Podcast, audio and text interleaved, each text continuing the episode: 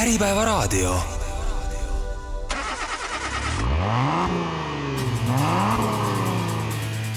autojutud. autojutud toob teieni Beast Rent. rendi Tesla vähem kui viie minutiga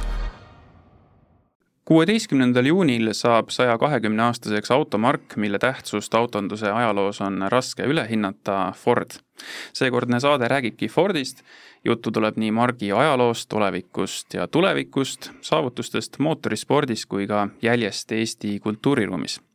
mina olen autojuttude tegija Karl-Edvard Salumäe ning koos minuga on stuudios kauaaegne autoajakirjanik, praegu Eesti Autospordi Liidus meediajuhi tööd tegev Kristjan Sooper, tere Kristjan! tervist! Kristjan ostis aastate eest endale hobiautoks äh, üheksakümnendate Eesti kultusauto Ford Sierra, nii et Sierrast tuleb äh, saates kindlasti samuti juttu aga enne veel, äh, Kristjan, oma põhitöö kõrvalt äh, sa toimetad ka Vatcari eestikeelset versiooni ja nagu ma olen näinud, siis viimases numbris ilmus äh, Classic and Sports Cari valitud artiklite kogum samuti eesti keeles siis. Äripäeva ajakirja juunikuine auto eri on minu kokku pandud teos, mis on samuti siis hiljuti müüki jõudnud ja seetõttu ma tahtsin sinuga kõigepealt põgusalt rääkida sellest, et noh, mina olen autoajakirjadega üles kasvanud sisuliselt, sealhulgas nendega, mida sina oled peatoimetanud, sa ju juhtisid kaheksateist aastat Autolehte. kui palju sinu hinnangul tänapäeval Eestis veel sellisele trükipõhisele automeediale huvi ja turgu on? et kas see on midagi niisugust, mis tahes-tahtmata kipub nagu hääbuma, järjest rohkem netti kolima, või on autoentusiastide hulgas ikkagi mingisugune kriitiline hulk selliseid inimesi olemas, kes tahavad äh, seda mingisugust ähm, tinti näpu vahel tunda? noh, kui ma nüüd nagu enda pealt äh, räägin, siis, äh, siis minu jaoks on sellised, et pikemad lood ja, ja põhjalikumad lood, mina eelistan alati nagu paberit lugeda. ja, ja ja noh, eks ma, eks ma ise olen ka paberajakirjanduse tellija, ütleme minu nüüd viimase aja suur lemmik on ajakiri Motorsport, mis siis on noh, ütleme, et osa on siit pealkirjast aru saada, et ta on võidusõidust, aga, aga ta on ka autodest, eks ole. ja kui vaadata noh, millised on äh, noh, nende lood, need on hästi põhjalikult läbi kirjutatud, nad on, sa, sa loed, seal ei ole ühtegi ülearust lauset, sa tunnetad, et see autor on, on nagu väga-väga selles teemas kursis, tema, tema allikad on väga hästi valitud ja ja need allikad, keda nad kasutavad, noh, noh, need ei ole mingid pressiteated, ehk et nad tõesti pääsevad äh, väga lähedale nendele inimestele, kes päriselt asju teevad ja, ja otsustavad, kui ma vaatan, palju neil reklaami on, siis seda on, on seal päris palju ja, ja domineerib siis tegelikult äh, noh, ütleme haruldasemate autode müügikuulutused, äh, oksjonimajad, äh, sellised noh, kallimad autodele mõeldud teenused, pluss siis erinevad sellised aksessuaarid, ütleme, et täiesti tavaline on muidugi kellade reklaamid, aga, aga on, on seal ka nagu moereklaami ja, ja kõik muud sellist, ehk et ta ongi nagu sihut- si,, sihitud siis inimesele äh, noh, võib-olla kes ei vaja sellist äh, infot, et millises autopesulas on nüüd sooduspakkumine ja, ja noh, et äh, viis nippi, kuidas avada auto ust, ei ole ka päris tema teema, on ju. ehk et äh, tulles nüüd küsimuse juurde, siis mulle tundub, et et sellisele edasi jõudnud autohuvilisele võiks kas, kas, kas olla või siis tekkida selline oma oma ajakiri, ma usun, et turul võiks sellele ruumi olla, äh, mis äh, läheks nagu noh, ütleme, valiks teemat just silmas pidades sellist äh, noh, sügavama autohuviga inimest, võib-olla noh, kindlasti kui inimesel on võimalik pidada hobiautosid, siis noh, ilmselt ta päris peost suhu ei ela ka, on ju, et et ma usun, et sellele võiks nagu tekkida koht, kui see toh-, koht juba praegu olemas ei ole sest eh, noh, veebiajakirjandus on oma olemuselt ikkagi ju, ju teistmoodi, ta on, on kiire ja ja, ja, ja, ja ütleme tõesti, et kui kui sa, kui sa ei tea seda, kuidas seda auto ust avada, siis sa noh, saad seda guugeldada ja siis sa saadki sealt selle ajakirjandusväljaande lehekülje ja, ja saadki oma eluga edasi minna, aga aga ma arvan, et eh, noh, see on see on liiga nagu kuidagi ühekülgne ja, ja lõpuks ka igav nendele, kes, kes võib-olla ootavad enamat. mulle väga sobis see, mis sa rääkisid, sellepärast et minu enda hinnangul seesama juunikuine Äripäeva ajakirja autoäri Äh, ma tegin selle umbes samasugust äh, taotlust silmas pidades, et siin oleksid natukene pikemad lood, natukene põhjalikumad lood, aga vaata, üks niisugune asi, mida minu meelest eestikeelses autoajakirjanduses on vähe viljeletud, mida saaks rohkem teha, on äh, teatavad niisugused ilukirjanduslikud sugemed, et kui sa vaatad näiteks kuulsaid Briti autoajakirju, siis sageli selliste pikemate proovisõidulugude või muude niisuguste pikemate käsitluste juures on kirjeldusi mingisugusest asukohast, viiteid, ma ei tea, ilukirjandusele, millelegi niisugusele. et seda veel Eestis on nagu jätkuvalt vähe tehtud, oled sa minuga päri? olen nõus ja, ja eks siin on ka see, et, et selliste lugude kirjutamine nõuab äh, päris palju aega. Ehk et seda ei noh, ei viska nagu paari tunniga valmis, et noh, tegin autoga ringi ära seal nädalavahetusel ja siis järgmine päev kaks-kolm tundi ja see lugu on nagu sündinud, et et see, see nagu eeldab nagu teistsugust tempot ja, ja, ja, ja täpselt ma usun, et selline vähe põhjalikum näiteks Kuu ajakiri võiks sellised võimalused luua, sest et noh, selleks, et et seda ilukirjandusele viidata, noh, peab olema aega ka seda ilukirjandust lugeda. tõepoolest jah, väga loogiline järeldus. Äh, aga läheme nüüd äh, Fordi juurde edasi ja kõigepealt ma alustan küsimus sellega, et noh, et ma saate alguses viitasin, et äh, Ford saab saja kahekümne aastaseks, väga niisugune väärikas number kahtlemata ja ümmargune ka. E, on muidugi veel vanemaid autotootjaid, aga Ford ei ole väga palju neist vanematest e, noorem. Aga mis sinu hinnangul muudab Fordi automaailmas kuidagi eriliseks või väljapaistvaks, et kui ma esitan sulle küsimuse, miks on üldse põhjust Fordist pikemalt rääkida, siis kuidas sa vastaksid? no ma vastaks siis nii, et Ford muutis maailma. ehk et äh, Äh, ütleme siis konveier tootmine on ju, on ju teadupärast äh, noh, tulnud, tulnud ju Fordilt, eks ju, aasta oli tuhat üheksasada kolmteist. No tegelikult peaks muidugi minema, minema natuke nagu tagasi ajas veel enne, enne kui sinna konveierini nagu jõuame, et et tegelikult on üks ümmargune sünniaastapäev meil veel, et Henry Ford on tuhat kaheksasada kuuskümmend kolm sündinud ja, ja tema saab siis juulis noh, ütleme siis on saja kuuekümnes sünniaastapäev. Noh, Äh, tulles tema tausta juurde, siis tegemist oli ju noh, farmeri perekonnas sündinud, sündinud poisiga, kes, äh, kellele see põllumajandus noh, nagu väga nagu ei kõnetanud, eks ole, et, et noh, teada on tema varasemast noh, nii-öelda lapsepõlvest või poisipõlvest siis, et teda nagu huvitasid vägagi noh, kellad, mida ta siis lahti võttis ja kokku pani ja ta isegi töötas seal kellassepa äh, Kellassepa töökojas, kus ta oli, ma ei mäleta, kas kuueteistaastane või et kui ta noh, peideti sinna kuhugi taharuumi ära, sest et noh, ütleme inimesed olid ostnud endale kalli kella ja siis nüüd keegi poisike istub ja seda remondib seal, et noh, see nagu ei kõlvanud, et siis äh, selline soliidne meister võttis vastu ja viis siis selle kuti kätte, kes seal taga selle korda tegi. Ja, ja, ja noh, ütleme, et selline mehaanika huvi ja, ja, ja kogu selline äh, noh, ütleme tehnika, tehnika huvi oli seal nagu sügavalt sees, on ju ja, ja noh, eks tema, tema töökohad ja, ja muud, muud valikud olid ka sellised, et et noh, kogu aeg ta mööda seda li, rida liikus, on ju, ja kui ta lõpuks jõudis sinna Edison Illuminating Company juurde, siis, siis seal ju tuli noh, tuli teha põhitööd ja sealt, selle kõrvalt sündis ka tema esimene auto, on ju. ja, ja noh, mingi hetk ta pidi tegema selle valiku, et kas ta nüüd teeb põhitööd või ta liigub autondusse ja noh, siis ta sinna autondusse liikus ja kui vaadata noh, tema, tema esimest autot, mis oli selline suhteliselt lihtne ja ja, ja, ja kerge ja, ja aga samas nagu äärmiselt ratsionaalne. ehk et selle, selle konveieri tootmise juurde tulles ka, et et kui, kui see konveier nagu käivitus, siis varem tehti just Fordi mudelit kaksteist tundi, siis ta tuli sealt mingi viie tunni peale umbes, eks. ja, ja noh, ütleme, et see ratsionaalsus oli see äh,, ratsionaalsus ja efektiivsus olid need kaks asja muidugi, mis, mis selle konveieri kasuks rääkisid ja ja, ja noh, ütleme ka mina ei tea, minu järeldus on, ka mingi pragmaatilisus, sest et kui sul nagu oli selline üks šossii, mis seisis nagu ühe koha peal ja kus, kus siis noh, ütleme siis inimesed selle ümber toimetasid ja seda autot seal ehitasid, et see eeldas nagu neilt äh, suhteliselt kõrget kvalifikatsiooni, et sa ikkagi ehitasid seda autot, äh, no sa tegelesid mitmete komponentidega, mitmete sõlmedega, sul pidi neid teadmisi ja oskusi olema märksa rohkem kui konveieri peal. konveieri puhul noh, sa said tuua, sul ei pidanud olema nii kvalifitseeritud tööjõud, sest ta sooritas noh, kas ühte või paari operatsiooni noh, okei okay,, noh siin on nagu erinevad noh, see konveier nagu arenes ja muutus, eks ole, et, et aga noh, põhimõte on see. Ja noh, ütleme, et selles osas nagu õnnestus ju lahendada ka tööjõuprobleemi, sul pidi olema küll rohkem töötajaid, aga, aga nad ei pidanud olema nii kvalifitseeritud. Noh, see tõi jälle omakorda kaasa probleemi kaadrivoolavusega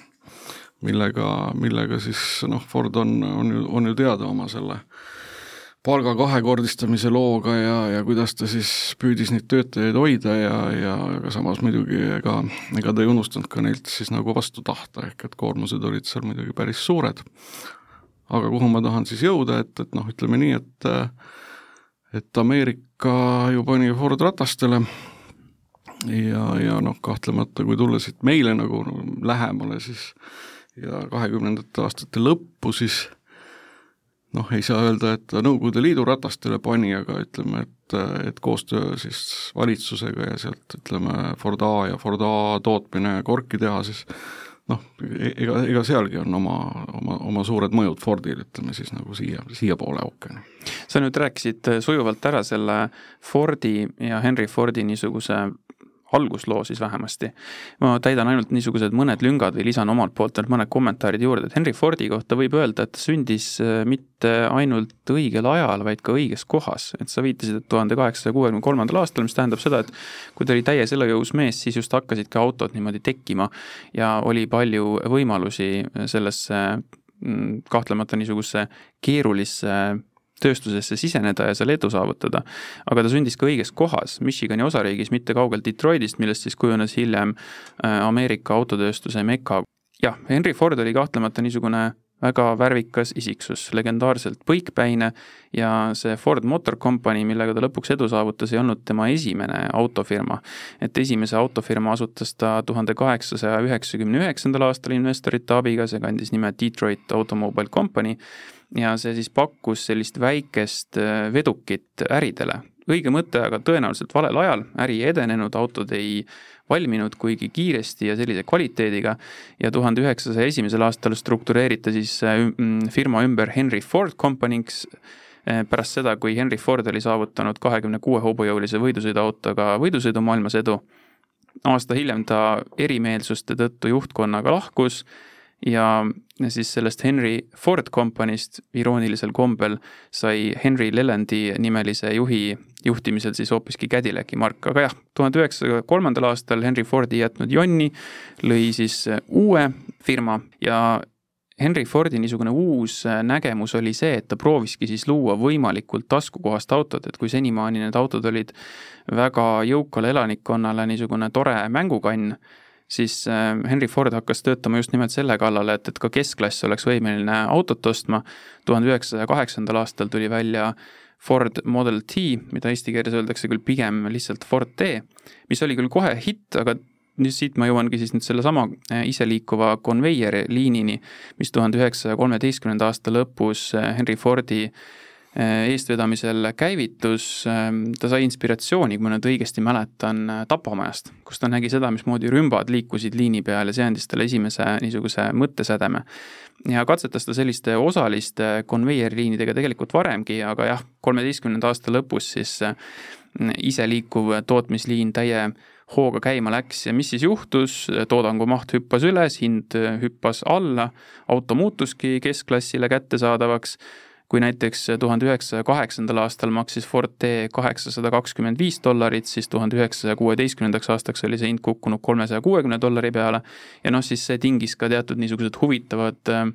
sammud või metamorfoosid, nagu näiteks, et kui varem sai Ford T-d ka erinevates värvides, siis nüüd ainult mustana, sellepärast et must värv päikese käes kuivas kõige kiiremini ja siis oli võimalik neid autosid niimoodi võimalikult ruttu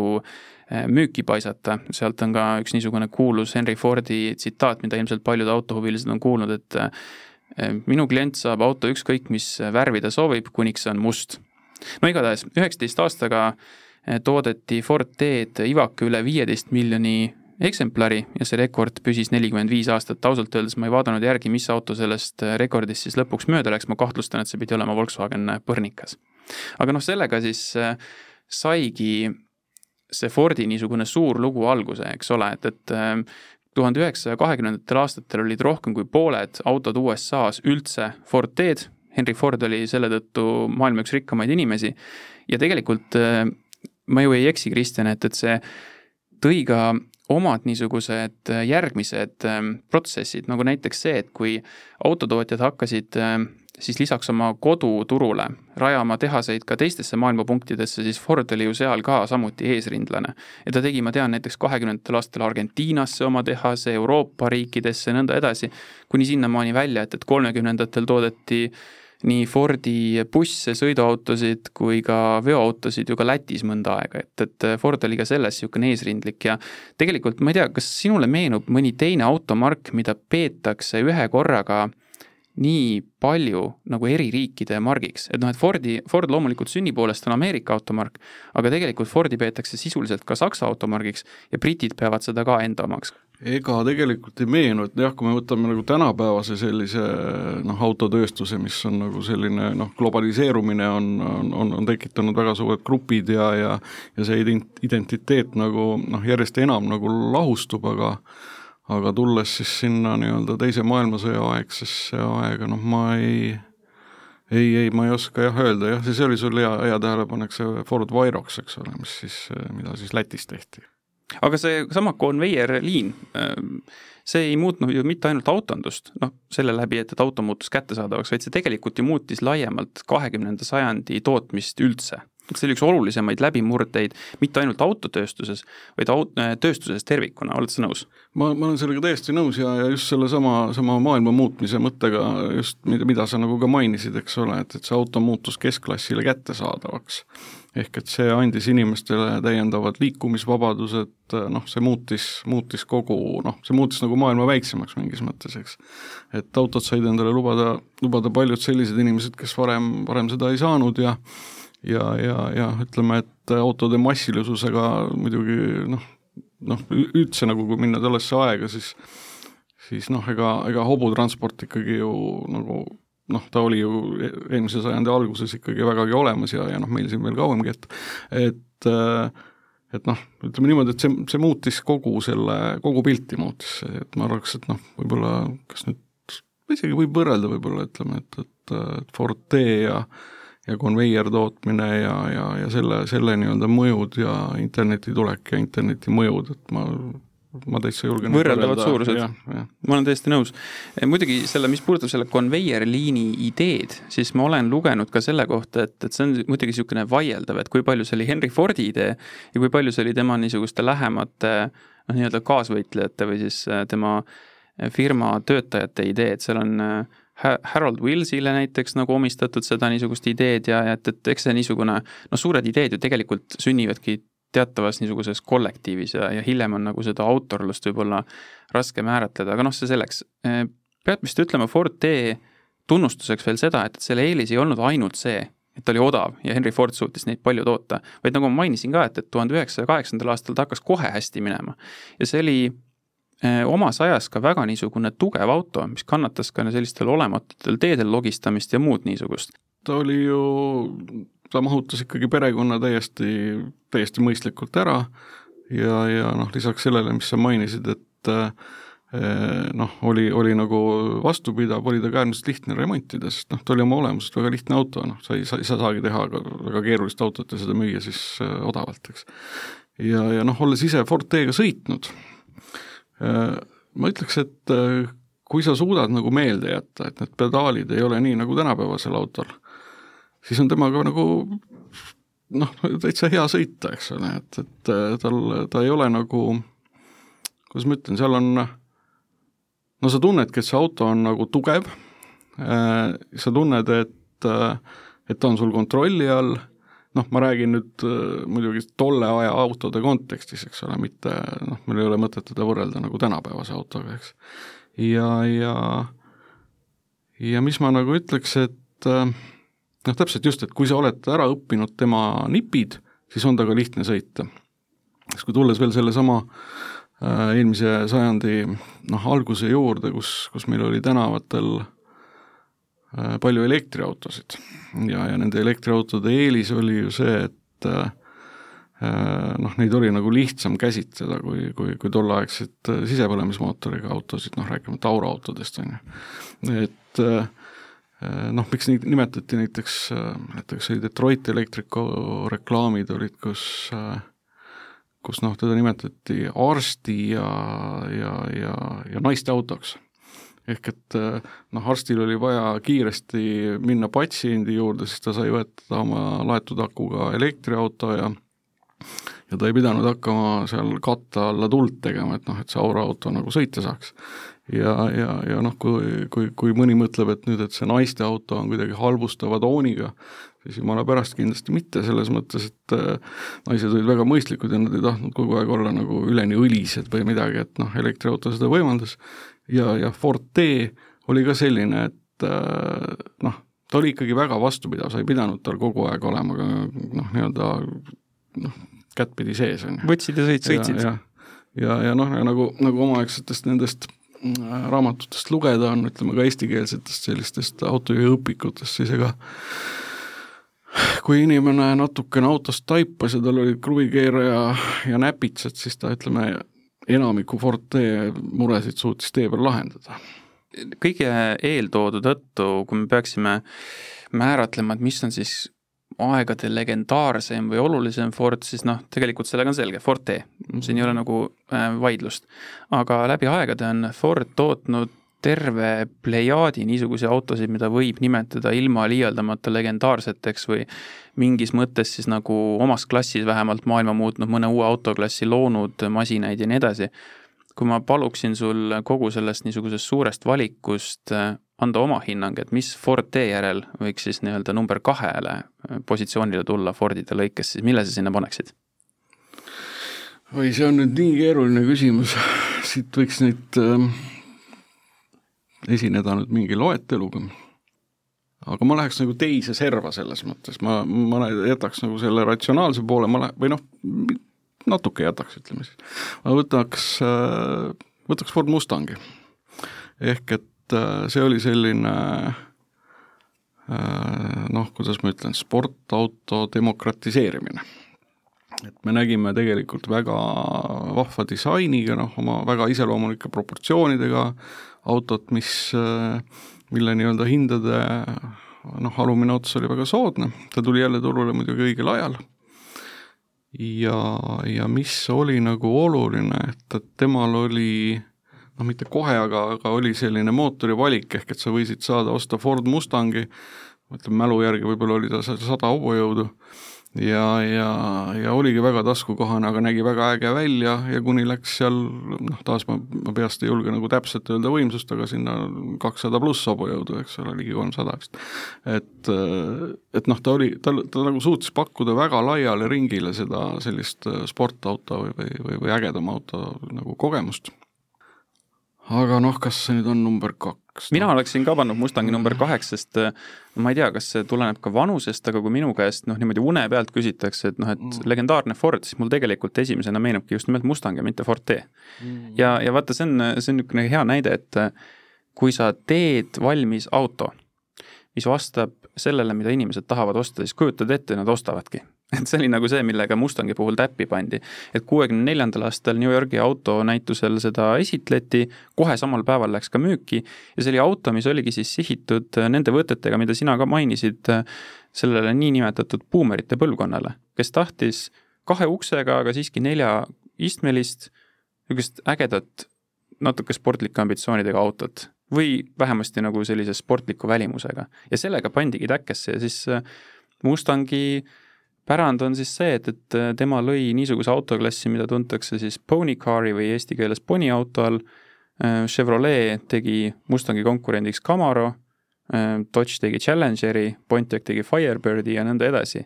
ja mis veel võib-olla maini, väärib mainimist, on see, et nii Camaro kui kõik need teised konkurendid tegelikult ju näevad suuresti Mustangi moodi välja, pikk kapott, lühikene pagasnik ja tegelikult Mustang, mida ju siiamaani toodetakse, on need proportsioonid nagu siiamaani säilitanud.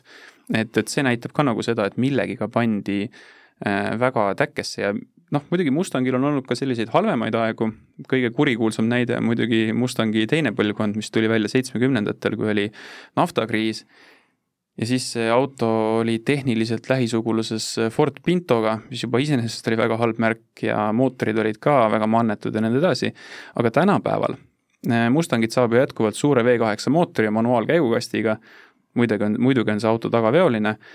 ja see vähemalt minu jaoks nagu tänapäevases kontekstis mõjub sellise heas mõttes onu Heino vanaisana. et natuke niisugune nagu vanakooli auto. et noh, proovige sõita viieliitrise manuaalkastiga Mustangiga, no väga mõnus on. ja seda niisugust teistmoodi olekut ja kaifi saab sealt kamaluga, oled sa päri?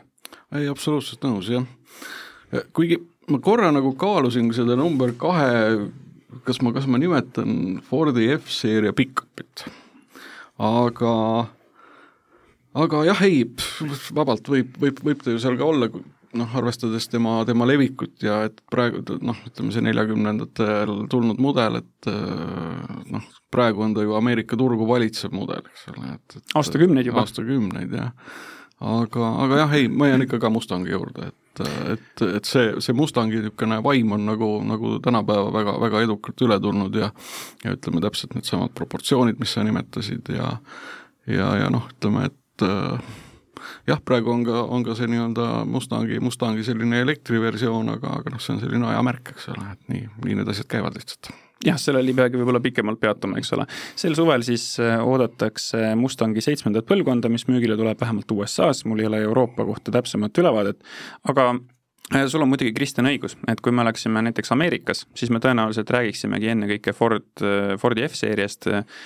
Fordi pikapitest ja täpsemalt siis äh, ennekõike Ford F saja viiekümnest, USA müüduimast sõidukist ajaloos. sõiduk sellepärast, et tegu on siis äh, inglise keeles või Ameerika mõistes truckiga, meie ütleme selle kohta kastikas,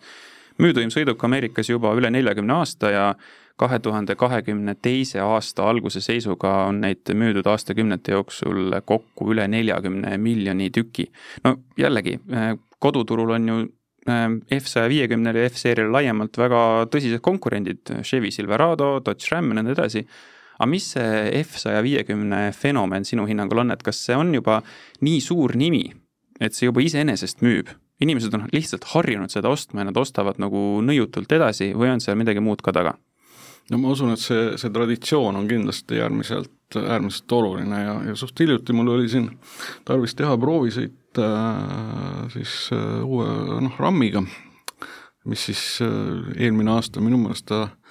tõusis USA Ameerika turul siis teise koha peale, lükates Chevrolet Silverado kolmandaks. Ja, ja siis ma nagu võrdlesin neid, äh, neid Forde ja, Fordi ja Rami noh, erinevaid hinnakirju, noh, mis nad Ameerikas teevad ja ja, ja noh, eks nad on muidugi üsna, üsna lähedased selles mõttes, noh, ei saagi ollagi otsesed konkurendid, äh, noh, nad ei saa ollagi liiga, liiga nagu erinevad oma hinnalt ja varustuselt ja kõigelt muult, aga aga nad on ikkagi väga mõistliku hinnaga ja sa saad nagu väga mõistliku raha eest äh, väga palju autot, ehk et äh, kui ma nagu noh, elaks Ameerikas ja mul oleks nagu piisavalt ruumi, siis, siis võib-olla ma, võib-olla ma sõidaks ka sellise pick-up'iga noh, muidugi see pick-up'ite populaarsus USA-s on, on nagu omamoodi fenomen, et kui me nagu vaatame, milline auto eelmisel aastal Euroopas oli enim müüdud, siis oli see Peugeot kakssada kaheksa. ehk et kui Ameerikas on, äh, juhib, juhib tabelit Ford F sada viiskümmend ja, ja Euroopas Peugeot kakssada kaheksa, siis noh, need autoturud on ikka, ikka väga-väga erinevad, eks. Aga mis on, olles ka selle F-seeria pick-up'i uuema versiooniga sõitnud, noh, ega ta on selline auto, mis, mis, mis teeb nagu kõike nagu hästi, ehk et ta noh, sa ei saa, sa sõidad temaga ära ja, ja noh, ütleme, et kui sa pead nagu, nagu autoajakirjanikuna kirjutama, noh siis äh, formaat näeb ette, et nimetada ka miinused, et siis sa jääd nagu hätta, et noh, et äh, mis sa siis ütled, et noh, et näed, et Müürivahe tänavale ei mahu, eks. aga, aga noh, see auto ei ole sinna mõeldud, eks. et noh, ta, ta on nagu hästi paigas, see toode on lihtsalt nagu väga hästi paigas ja, ja eks nad ju tunnevad oma klienti ja ja, ja väga, väga siis ei eksperimenteeri temaga. aga kas sa tunned äh, F saja viiekümne roolis, äh, et seal on midagi ekstra võrreldes Rami või Silveradoga? ei tunneta tegelikult. Äh, noh, Silveradoga mul kogemust ei ole, aga aga, aga noh, nii RAM-i, RAM-i kui, kui, kui F sada viitekümmet võrreldes noh, seal on omad erinevused, noh, käsitsetavuses on erinevused ja, ja noh, neid erinevusi on ja, ja noh, ka sõidutunnetuses on mõningad erinevused, aga aga nad on ikka päris, päris võrdsed autod minu, minu vaates, et äh, ilmselt, ilmselt seal on ka see, et, et kellele, kellele milline mark nagu rohkem kõnetab, võib-olla kellel on mingi pakkumine lõpuks lõpuks, et mul oli eelmine auto oli, oli siis F-seeria või oli RAM ja ma võtan järgmisega sealt, eks. no siin on äh, sobilik märkida, et äh, Fordi ja General Motorsi fännide omavaheline kisma Ameerikas on päris suur, et, et seal on selgelt niisugused koolkonnad, et, et kui kellegi isa sõitis äh,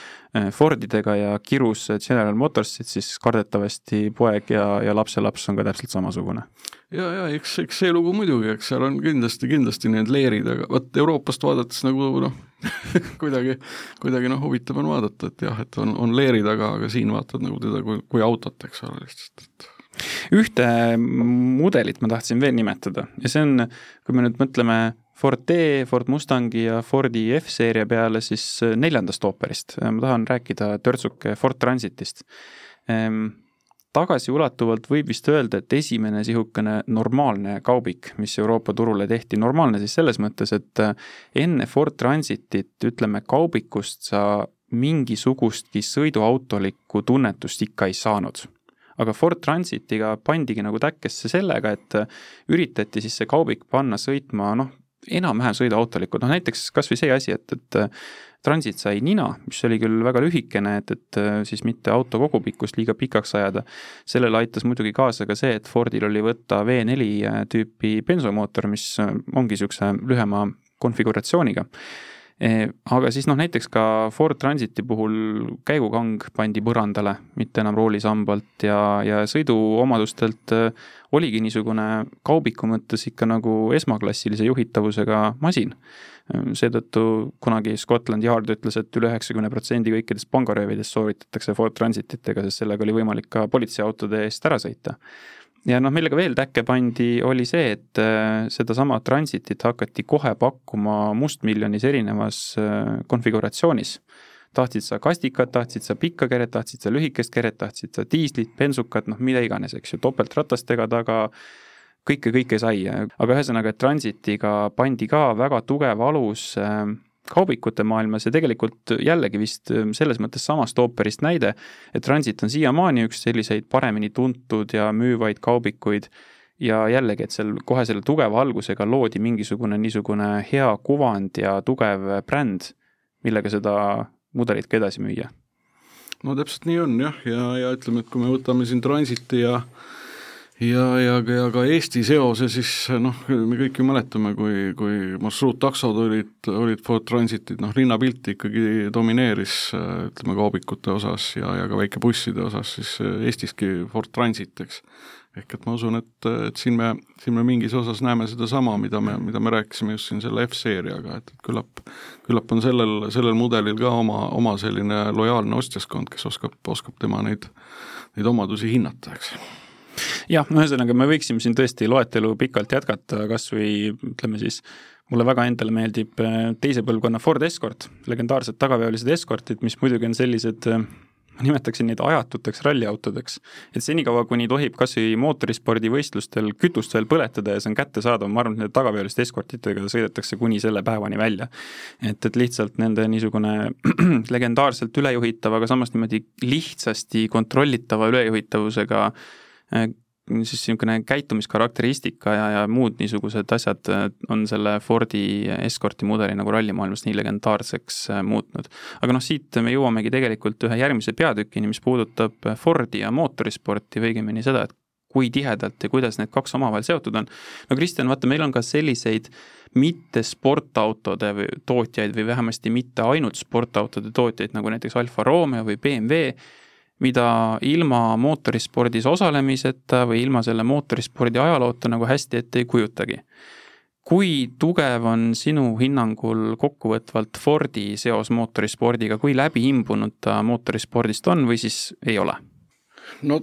ta on ikka noh, ikka ikkagi vägagi ju seostub äh, mootorispordiga, noh ütleme, et mis siin nagu viima-, viimane selline väga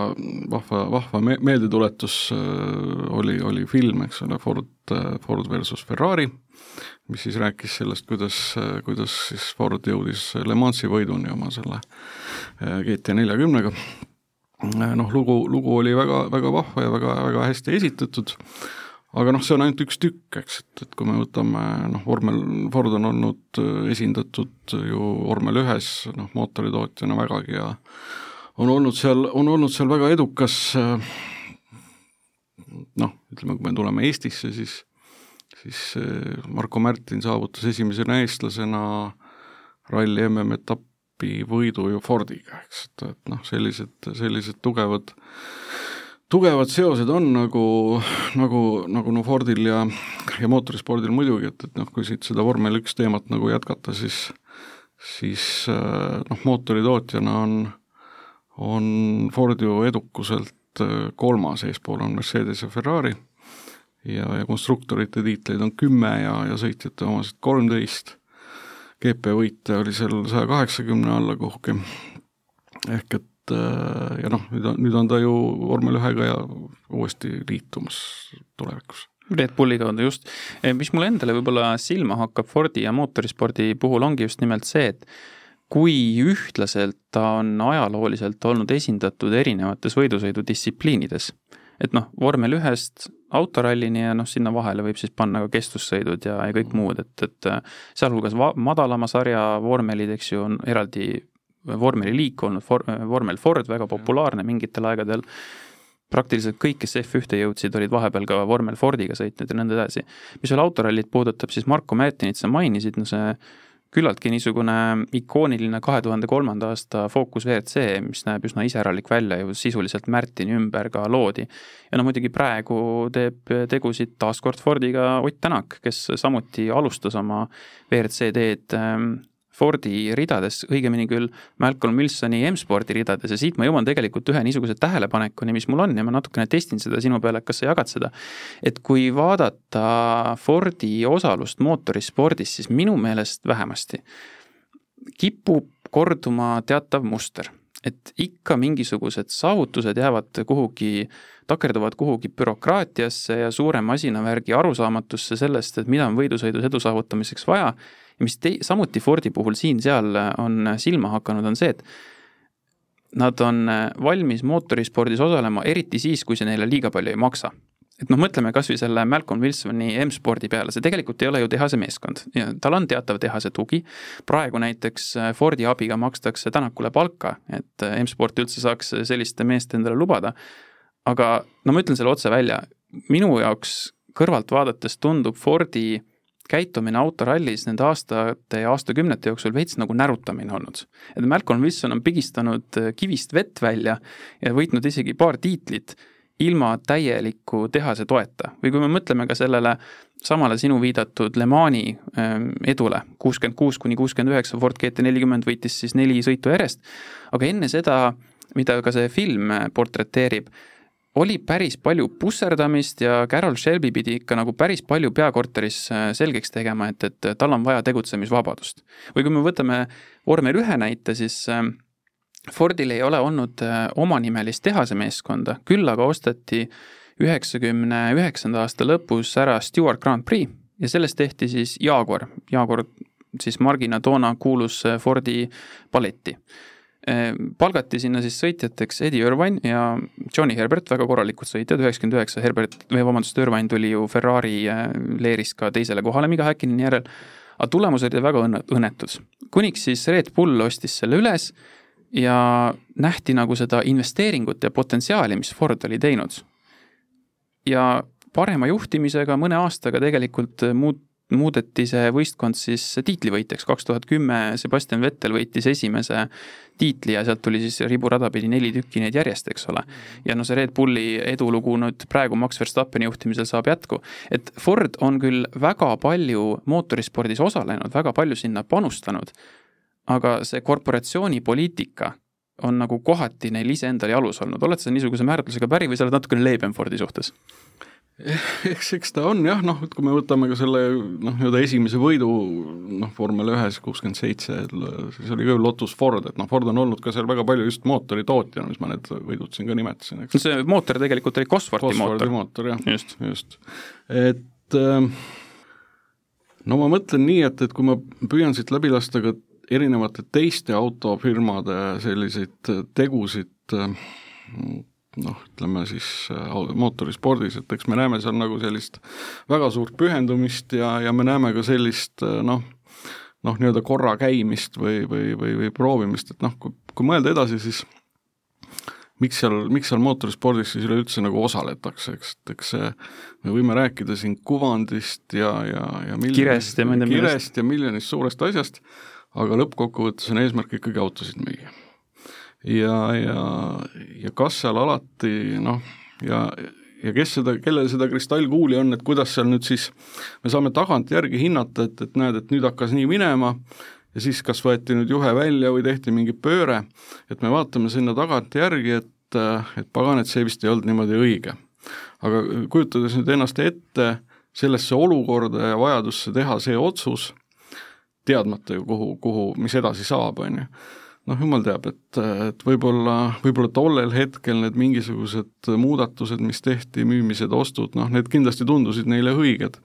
aga kas nad nagu närutanud on, noh, võib-olla isegi, et ta on jah, et, et noh, et, et no igal juhul vähemasti siis seda võib öelda, et Malcolm Wilson on äh, uskumatuid tulemusi välja võlunud, kas pole? ei, ei kahtlemata on ja, ja, ja noh, eks eks, eks, eks siin peab muidugi vaatama jah, et palju see, palju need erinevad äh, mootorispordialad äh, noh, siis nendesse paigutatav raha ja sealt saadav tähelepanu. et milline millised on need äh, proportsioonid, eks ole, et, et kas nagu see, see pingutus on seda väärt, ma kujutan ette, et, et see nii-öelda autotootjad vaatavad neid, neid tabeleid nagu ikkagi, ikkagi väga-väga hoolikalt, ma siin hiljuti nägin ühte sellist äh, uuringut fännibaasist erinevatel autospordialadel, noh, juhtis seda äh, kahtlemata vormel üks äh,, teise koha peal oli äh, äh, ralli mm ja kolmas oli elektrivormel, eespool näiteks Le Mansi. et, et noh, ütleme, et siin mulle tundub ka, et, et, et kui nagu elektrivormelid on nagu tõusnud juba, juba kolmandale positsioonile, et noh, tundub, et ka mootorispordis on nüüd, on nüüd mingisugused sellised muudatused toimumas. Ja, ja ja ma ei välistaks, et me näeme varsti seda nagu teisel positsioonil, et me ja, ja autofirmade, autofirmade huvi noh, elektrivormeli vastu on, on ju tegelikult noh, mõned lahkuvad, mõned tulevad, see on tegelikult normaalne turundustegevus, selle üle nagu ei ei maksa nagu noh, liiga emotsionaalseks muutuda, nagu siin aeg-ajalt meedias muututakse, aga aga ma usun, et et, et, et me oleme jälle sellises kohas, kus, kus on mingid muudatused toimumas ja, ja kus, kus mitmetel auto, autotootjatel, kaasa arvatud Fordil, on, on omad, omad päris keerulised valikud ees. Sa ei maininud NASCARit, kas see tähendab seda, et see uuring oli tehtud siis Euroopa see oli Euroopa jah, see oli mhm. ainult Euroopa jah, ja, ja noh, ütleme jah, ka USA, USA sarju seal ei, ei Indit ega NASCArit ei olnud no aga liigume selle juurde, et kui ma siin saate alguses mainisin, et äh, juttu tuleb ka Ford Sierrast, siis ma arvan, et äh, nii mõnelgi kuulajal võisid hakata mingisugused äh, nostalgiapaugud peas käima. Ehm, kõigepealt veel lühidalt, kui me räägime Fordist ja Eestist. Ja Fordi jäljest Eesti autonduse ajaloos ja kultuuriruumis, siis sellest äh, esimese iseseisvusperioodi ajast natukene eespool rääkisime ka, olgu lihtsalt lühidalt ära öeldud, et vahemikus siis tuhat üheksasada kaheksateist kuni tuhat üheksasada nelikümmend oli Ford autostuvas Eestis kõige müüdum mark, seal peamiselt konkureerisidki omavahel esimeste positsioonide peale. Esi-, USA autotootjad, Chevrolet näiteks oli ka väga populaarne, Euroopa autotootjatest siis Opel oli Fordi järel teisel kohal.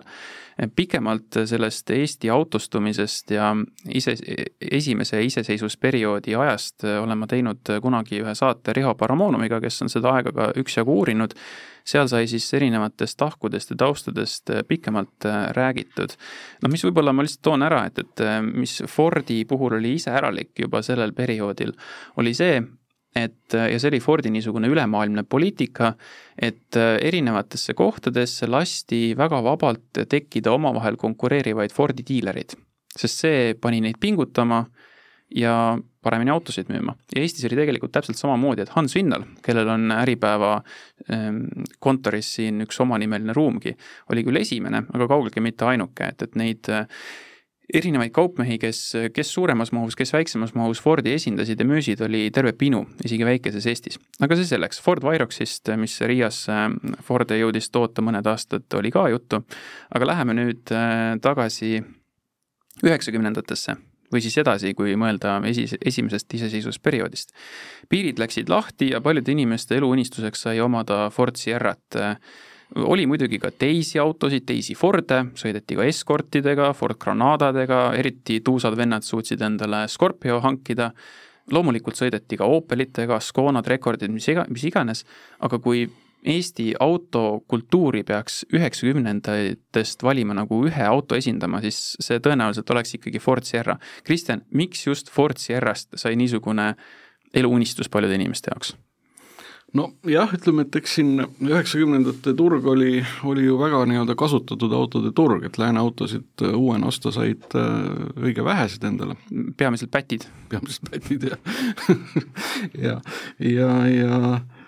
ütleme, et noh, üks, üks, üks selline tolleaegset tänavapilti, noh lisaks muidugi siis Nõukogude toodangule oli, oli siis Soomest toodi päris palju neid äh, pruugitud Datsunit, Datsun Sherryt sinulgi vist oli esimene auto niisugune, jah? jaa, hästi lühikest aega küll, aga aga noh, miks, miks Sierra, noh Sierra oli ma arvan, et ta oli ikkagi suhteliselt kättesaadava hinnaga ja ta suutis pakkuda noh, nagu noh, väga, väga, väga, väga häid omadusi äh, oma hinnafoonil, ehk et ta oli ruumikas auto, ta oli täiesti hästi sõidetav, ta oli küllaltki odavate varuosadega.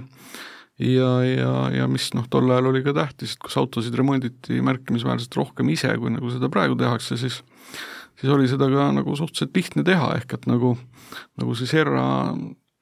Sierra oli nagu selline hästi mõistlik valik tollel ajal, ma arvan, et noh, inimesele jõukohane valik ma arvan, et see oligi põhipõhjus. ma ise olen mõelnud, et huvitav, kas siin võib olla taga see põhjus, et Ford Sierra tuli välja kas ta oli kaheksakümmend kaks või kaheksakümmend kolm aastal ja vähesed teavad seda, aga alguses ei olnud tegelikult Sierra teab mis suur müügihitt erinevatel turgudel ja seda sel põhjusel, et äh, Sierra disaini peeti natukene liiga munajaks et kui võrrelda ka siis näiteks samaaegsete Opelitega, siis need on üksjagu kandilisemad. ja natukene pidi nagu turg harjuma selle niisuguse teistmoodi disainiga, eriti kui Sierra on siis äh, luukpärakerega, mis on ka sinul näiteks et võib-olla seal oli ka see, et kümmekond aastat hiljem, kui eestlased hakkasid ka neid ostma endale, nägi see siis vastupidi oma vanuse kohta suhteliselt nagu moodne ja, ja niisugune jah, niisugune tegijaauto välja, et võib-olla ka see oli üks niisugune lisakaalukeel või kuidas sina arvad Ka? kahtlemata selles mõttes, et kui, kui vaadata, ütleme, Sierra reklaame kaheksakümnendate, kaheksakümmend kaks siis näiteks kas või Soome ajakirjades, siis seal rõhuti selle auto disainile, see oligi nagu see peamine, peamine noh, nii-öelda argument, eks. ja need fotod olid kõik tehtud niimoodi sinna reklaamile, kus nagu tema see kerekuju nagu, nagu väga välja joonistus ja, ja kui lugeda tolleaegseid sõiduproove, siis ta, siis see, see lugu alati algas selle disainiga ja kui lugeda neid näituse ülevaateid, ütleme, meil noh, vaadata ka neid äh, probe kontsepte, mis äh, eelnesid sellele Sierrale, siis siis selle üle käis nagu tolleaegses ajakirjanduses väga palju diskussiooni. Ja, ja, ja ütleme nii, et äh, ega siin meie kolleegid, mõned arvasid, et see on ikka, ikka täis jama ja see on tupiktee ja, ja noh, niisugust disaini ei osta mitte keegi mitte kunagi, eks aga, aga seda noh, kui, kui, kui, kui mingi asi on ajast ees, siis, siis seda ikka juhtub sageli, et, et seda nagu ei tunta ära, on ju, ja, ja, ja täpselt nagu sa, nagu sa mainisidki, et siis, kui see Sierra siia üheksakümnendatel jõudis, olles siis kümme aastat vana, on ju, noh, mudeli algusperioodi autot, siis, siis ta tegelikult mõjus endiselt kaasaegsena.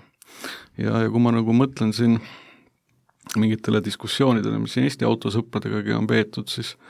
et, et noh, mis mõttes Ford Sierra, et juba nagu vanasõiduk, et noh, minu auto on nüüd nelikümmend aastat vana, mudel ise on nelikümmend üks aastat vana, et noh, ta ei mõju tegelikult üldse nii nii nagu kuidagi vana, vana sõidukina, eks ole, et, et kui me võtame, läheme aastasse kaheksakümmend kaks ja võtame sealt nelikümmend aastat tagasi ja võtame suvalise neljakümne teise aasta auto siis, siis see mõjub, mõjub vägagi vana sõidukina, kellelgi ei ole nagu mingisugust kahtlust, on ju. et, et noh, ütleme, et jah, ühtepidi mudel oli ajast ees ja teine asi, et ega see auto, auto areng kui selline ei ole ajas nagu sugugi lineaarne, on ju et noh, kui ma praegu ütlen, et vanasõiduki piir Eestis on kolmkümmend viis aastat, see tähendab, aasta on siis kaheksakümmend kaheksa, Opel Vectra ja kolmanda põlve Passat on meil nagu vanasõidukid. Ma arvan, et nüüd päris mitmed inimesed ehmatasid ära, et no kuulge, mis mõttes, et, et kuidas see saab olla. aga, aga noh, lihtsalt aeg, noh, need autod on meie silme all vananenud ja tegelikult noh, võiks ju pidada diskussiooni kas või sellesama Sierra foonil, et kas meil peaks nagu see äh, vanasõiduki piir olema siis kuidagi nagu noh, nagu suurem, et noh, ma ei tea, nelikümmend aastat, viiskümmend aastat. aga mina, ma nagu vaidleks vastu, ei pea. selles mõttes, et siis oskaksid äh, veel vähesemad inimesed äh, näha nendes omaaegsetes rahvaautodes noh, sellist veerevat verstaposti, sellist äh, noh, tükki auto ajaloost Äh, mida, mida tegelikult noh,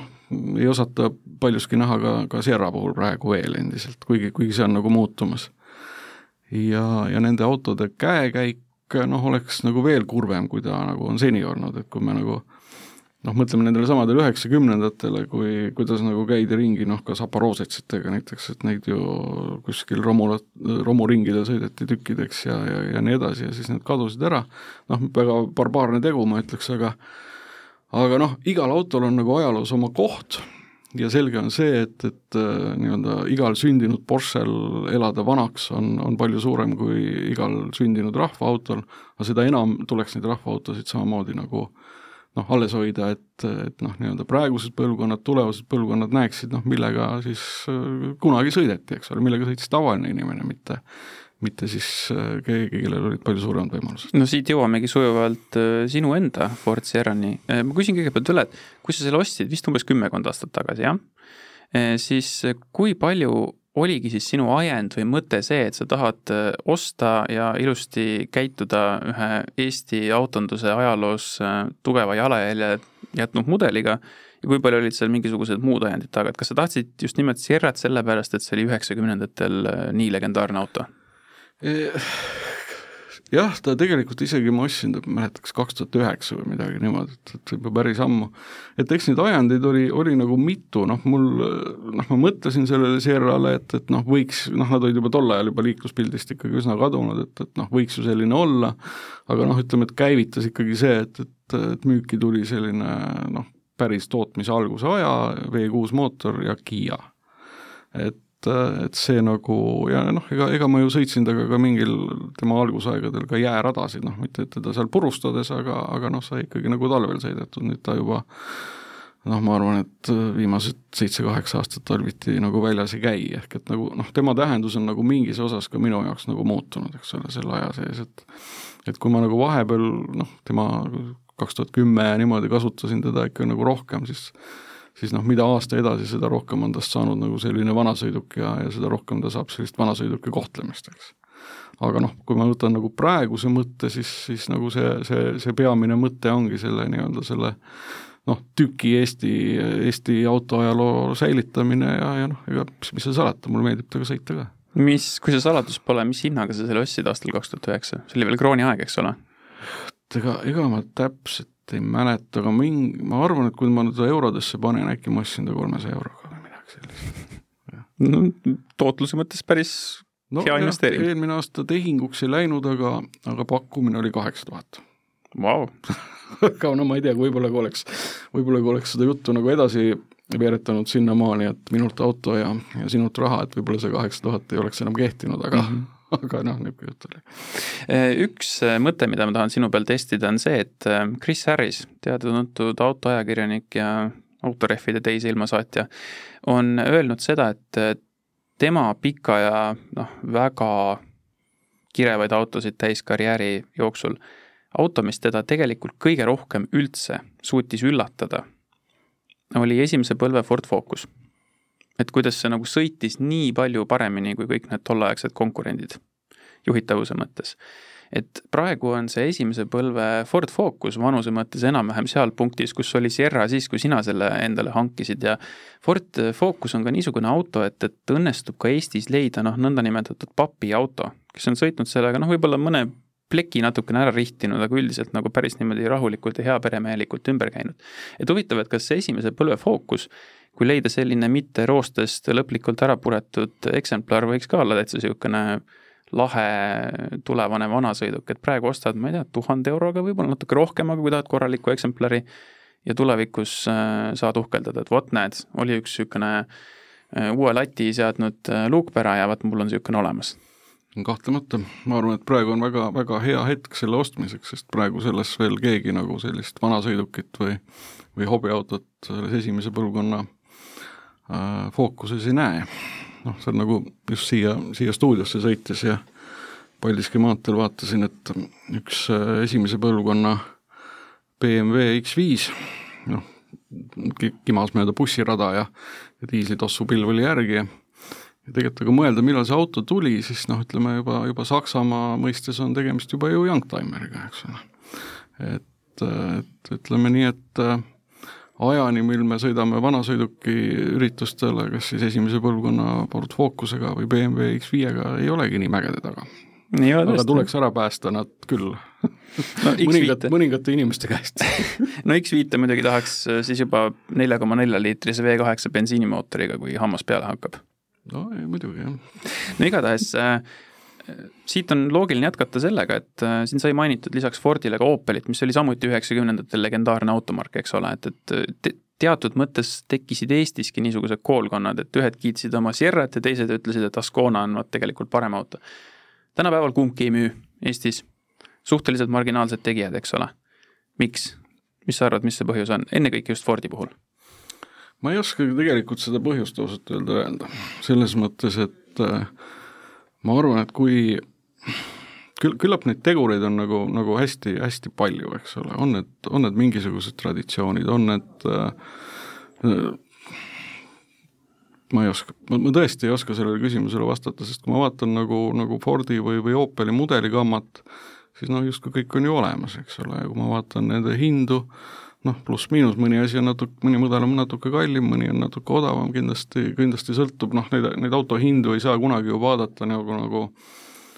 noh, niimoodi üksikuna, et, et sa pead ikkagi vaatama, milline on see varustus, mis, mis tehnika sa sellega saad, et ma ei tea, ma, ma, ma, ma tõesti ei oska selle küsima, enne saadet ka rääkisime sel teemal ja ma püüdsin seda vastust nagu välja mõelda ja, ja, ja ma ei tea. aga ma pakun,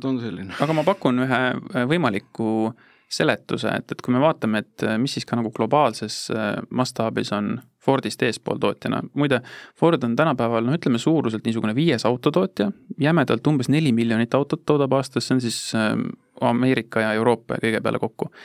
eespool on sellised margid ja nähtused nagu Toyota, nüüd siis ka näiteks Hyundai ja Kiia Lõuna-Koreast, et võib-olla nii Fordi kui Opeli puhul on teatud mõttes natuke niisugust läppunud õhku, et nad on sellised vanad Euroopa margid ja veits nagu niisugused mornid Saksa autod, mis on praktiliselt vist kõiges nagu vähemasti keskmikud, aga õigupoolest mitte üheski aspektis ei sära, et kui Toyota müüb nagu sellise legendaarse töökindlusega, mis noh, oleme ausad, ikkagi suures jaos on ka õigustatud, Hyundai ja Kiia sellise mm, viimase paari aastakümne jooksul kiirelt arenenud autotootjana on võib-olla nagu, võib-olla seda mingisugust hoogu ja minekut on nagu tehnoloogias ja kõiges nagu rohkem. et siis võib-olla Fordi Opelit hoiab nagu see tagasi, nad on niisugused veits niisugused vanad tohletanud Euroopa margid. et noh, et me rääkisime sellest, et Fordi võib ka täiel määral Saksa autoks pidada ja nii edasi, et oled sa niisuguse võimaliku vastuse variandiga päri? Ma ei tea, minu jaoks nad nagu ei ole sellised nagu, nagu tohletanud margid, eks ole, et, et kui me võtame kas või siinsama meie, meie nagu põhiteema Fordi, et et noh, tal on nii, tal on nagu väga pikk ajalugu, sellest ajaloos on nagu väga palju lugusid, äh, noh, tal on, tal on võidusõidu ajalugu, see nii-öelda emotsionaalne pool on tal, on tal nagu ka kõik täiesti olemas, eks, et sa jääd selle juurde, et see on niisugune paras müsteerium? no, no, no tõesti jah, et, et ma arvan, et kui ma nüüd oskaks selle põhjuse öelda, siis ma kohe, kohe võib-olla saaks ka tööpakkumise, et aga, aga ma tõesti ei oska seda põhjust. no selle võimaliku vastusevariandi, mille välja, välja pakkusin, sellega ma küll ühtegi tööpakkumist ei saa, aga see selleks kuule, aga räägime sellest ka, et mis on selline Fordi olevik ja ennekõike tulevik, et eh, Ford on natukene nagu niisuguses huvitavas kohas, kus nad just nagu selliseid klassikalisi sõiduautosid enam väga toota ei tahagi. et nad teevad kas eh, noh, Ameerikas nad teevad pick-up'e nii palju, kui jõuavad ette anda, nad teevad kõiksugu linnamaastureid, nad pakuvad elektrilist Mustangit, nad pakuvad tavalist Mustangit, mis on ka kõike muud kui tavaline sõiduauto, aga nende noh, nii-öelda klassikaliste sõiduautode valik jääb nagu väiksemaks, Monde on juba kõige kaduva teed läinud, me teame seda, et Fiesta tootmine lõpetatakse õige pea ja kaua siis vähemalt sellise tavakõrge fookuselgi nagu seda tulevik on, kes seda teab. Aga ma tahtsin ennekõike peatuda Ford Fiestal, sina, Kristjan, sõidad igapäevaselt Renault Clioga, samamoodi siis selline B-segmendi auto ja Ford Fiesta on olnud jällegi noh, niisugune teatav margapuu pikalt selles autoklassis, vähemalt mis puudutab nagu juhitavust ja sellist äh, sõidunaudingut. on sul isiklikult ka kahju, et Fiestaga läheb nii, et äh, tänapäevane autotööstus ja võib-olla ka tänapäevane ostjaskond ei soosi selle auto edasitegemist? Mul on tegelikult kahju kogu praeguse autotööstuse käekäigust. ehk et, et, et ma arvan, et eks me peame vaatama seda nii-öelda noh, kogu automaailma muutumist praegu, et, et me, me liigume selle elektrifitseerimise suunas, on ju, ja, ja, ja noh, Ford on ju, on ju ka välja öelnud, et millal tema elektriliseks nagu muutub. ja ma usun, et see, et, et siin mingid mudelid nüüd nagu maha lähevad, noh, on osa sellest, sellest protsessist, eks, et et kui, kui, kui Mark elektrifitseerub, siis tal ei ole ju mõtet tegelikult noh, ütleme siis praeguse olemasoleva mudeli pealt midagi püüda aretada, vaid, vaid ta nagu pigem püüab minna siis nii-öelda uue platvormi ja, ja ma, ma arvan, et ka täiesti uue, uue sellise margi või mudeli identiteediga. noh, kas see nüüd õige on, noh, kes, kes, kas ma, ma ei oska sellele nagu vastata, et et selleks peaks olema nagu, nagu, nagu väga-väga sügavalt kursis selle siseinfoga ja, ja kõige muuga. kui, kui ma mõtlen nagu konkreetselt nagu Fiesta peale, et noh, nagu või, või üldse nagu siis, siis B-segmendi peale, et noh, mulle tundub see nagu tegelikult nagu praegu ju väga ratsionaalne valik, ehk et ehk et need autod on, on, on, on sama ruumikad kui, kui siin viisteist aastat tagasi C-segmendi autod, nad on üsna ökonoomsed, nad on üsna hästi varustatud, et noh, ta nagu enamike inimeste vajadused nagu täidab. aga tulles jälle tagasi, mis nagu automaailmas toimub, siis siis ratsionaalsus on siin, ei ole väga tähtis enam, eks ole, et, et et on vaja täita, täita erinevaid poliitilisi suuniseid ja ja, ja noh, kas, kas nüüd, tegelikult oleks päris huvitav mõelda, et kui me siin nagu noh, ütleme, et me elaks väga vanaks ja istuksime siin viiekümne aasta pärast ja, ja arutaksime, et noh, kas see praegune ajahetk, et mis see nagu auto ajaloos nagu oli. et kas see oli nüüd selline noh, selline mingi kurioosum, kus siis nagu oli see selline elektriautodele vägisi armsaks tegemine ja, ja üleminek ja ja, ja, ja, ja, ja siis me saaks nagu anda nagu tagantjärgi selle hinnangu, et, et, et kas see nagu nüüd lõi uue trendi kas see, kas see muutis kogu autonduse suunda või oli see selline uitmõte, eks ole, et, et noh, millest nagu suurt midagi ei tulnud. kusjuures ma pean ütlema, et ma ise nagu äh, loen alati huviga, mida Akio Toyoda nagu ütleb äh, erinevate autotööstuse trendide kohta ja ja, ja tema, tema sõnavõttudest mul jääb nagu mulje, et jah, et elektriauto on kindlasti üks võimalus, aga kindlasti mitte ainuke võimalus. et, äh, et ma, ma nagu ise kaldun nagu, nagu pigem ka sinnapoole, et, et see akuauto, akuauto on kindlasti üks neist, aga kas ta nüüd nagu on tulevikus nagu see, see valdav autoliik, selles ma nagu pigem, pigem nagu kahtleks, eks. aga noh, eks, eks, eks auto, autofirmad peavad sellest kõigest sellest tohuvabohus ellu jääma ja ja, ja, ja küllap äh, küllap see nende mudelite väljavahetamine ja, ja kinnipanek ja uute tulek on, on osa sellest protsessist. ja me saame siis näha, kuidas Ford selles niisuguses muutuvas äh, maailmas äh, navigeerib, eks ole? no just, just. tead, ma jätsin äh, ennist küsimata, mul läks meelest, aga nüüd ma jätangi selle purakana siia saate lõppu, kuna meil aeg on ka nii ehk naa täis, siis sa oled ühe väga-väga huvitava Fordiga veel sõitnud, lisaks Ford T-le muidugi. ma pean silmas Ford GT-d siis selle legendaarse Ford GT neljakümne, mitte esimene, vaid teine, noh, niisugune uus versioon. esimest äh, loodi ja müüdi seal nullindate keskpaigas ja teine tuli välja aastal kaks tuhat seitseteist, kui ma ei eksi. mida sa selle autoga sõidukogemusest äh, mäletad ja missugune see auto juhistmelt kogetuna oli? no autoajakirjanikuna ma arvan, et ma, ma vist olen sõitnud ma arvan, mingi tuhande autoga või, või äkki isegi rohkem. ja, ja ega ma neid enamikke nagu ei mäleta. et aga, aga, aga Ford GT on kahtlemata üks nendest nendest, mida ma mäletan. ja sellel autol, noh, me võime rääkida tema erinevatest noh, numbrilistest näitajatest, mis on kõik nagu nagu väga noh, muljetavaldavad, eks ole, noh nagu selles klassis noh, nagu kõigil, eks, aga aga temal oli mingisugune eriline niisugune iseloomu nüanss, ehk et et see auto oli no ühtepidi selline väga brutaalne ja, ja, ja jõhker, noh selline nagu natuke nagu võidusõiduautolik. aga samas, kui sa nagu said aru, kuidas ta nagu käitub, ja, ja, ja siis nagu avanes, noh, tal, tal oli see, see iseloom oli nagu kuidagi hästi nagu mitmeplaaniline. ehk et sa võisid temaga kihutada äh, noh, nagu, nagu sõge ja, ja tõmmata ta siis tagasi ja, ja, ja, ja kui see kiirteelõik otsa sai, äh, ja istuda taga seal kuskil Saksamaa väikelinnas ummikus ja tunda ennast nagu, nagu jätkuvalt nagu hästi. et, äh, et ma, ma ütleks jah, et sellel autol oli niisugune mingisugune äh, raskesti seletatav, raskesti mõõdetav üldse ei ole mõõdetav äh, noh, mingi omaduste kogum, mis, mis, mis tema muutis nagu, nagu väga eriliseks, sest noh, neid selliseid sarnaseid autosid on sõidetud nagu teisigi, aga aga päris kõiki ma nagu küll nüüd meenutada ei suuda. No annaks siis, ma ei teagi, autode jumal, et äh, Ford toodab midagi niisugust, mis suudab sarnastki emotsiooni pakkuda ka tulevikus, aga seda me siis saame näha. No igatahes selline sai seekordne autojuttude saade. tänan kuulamast ja kohtume taas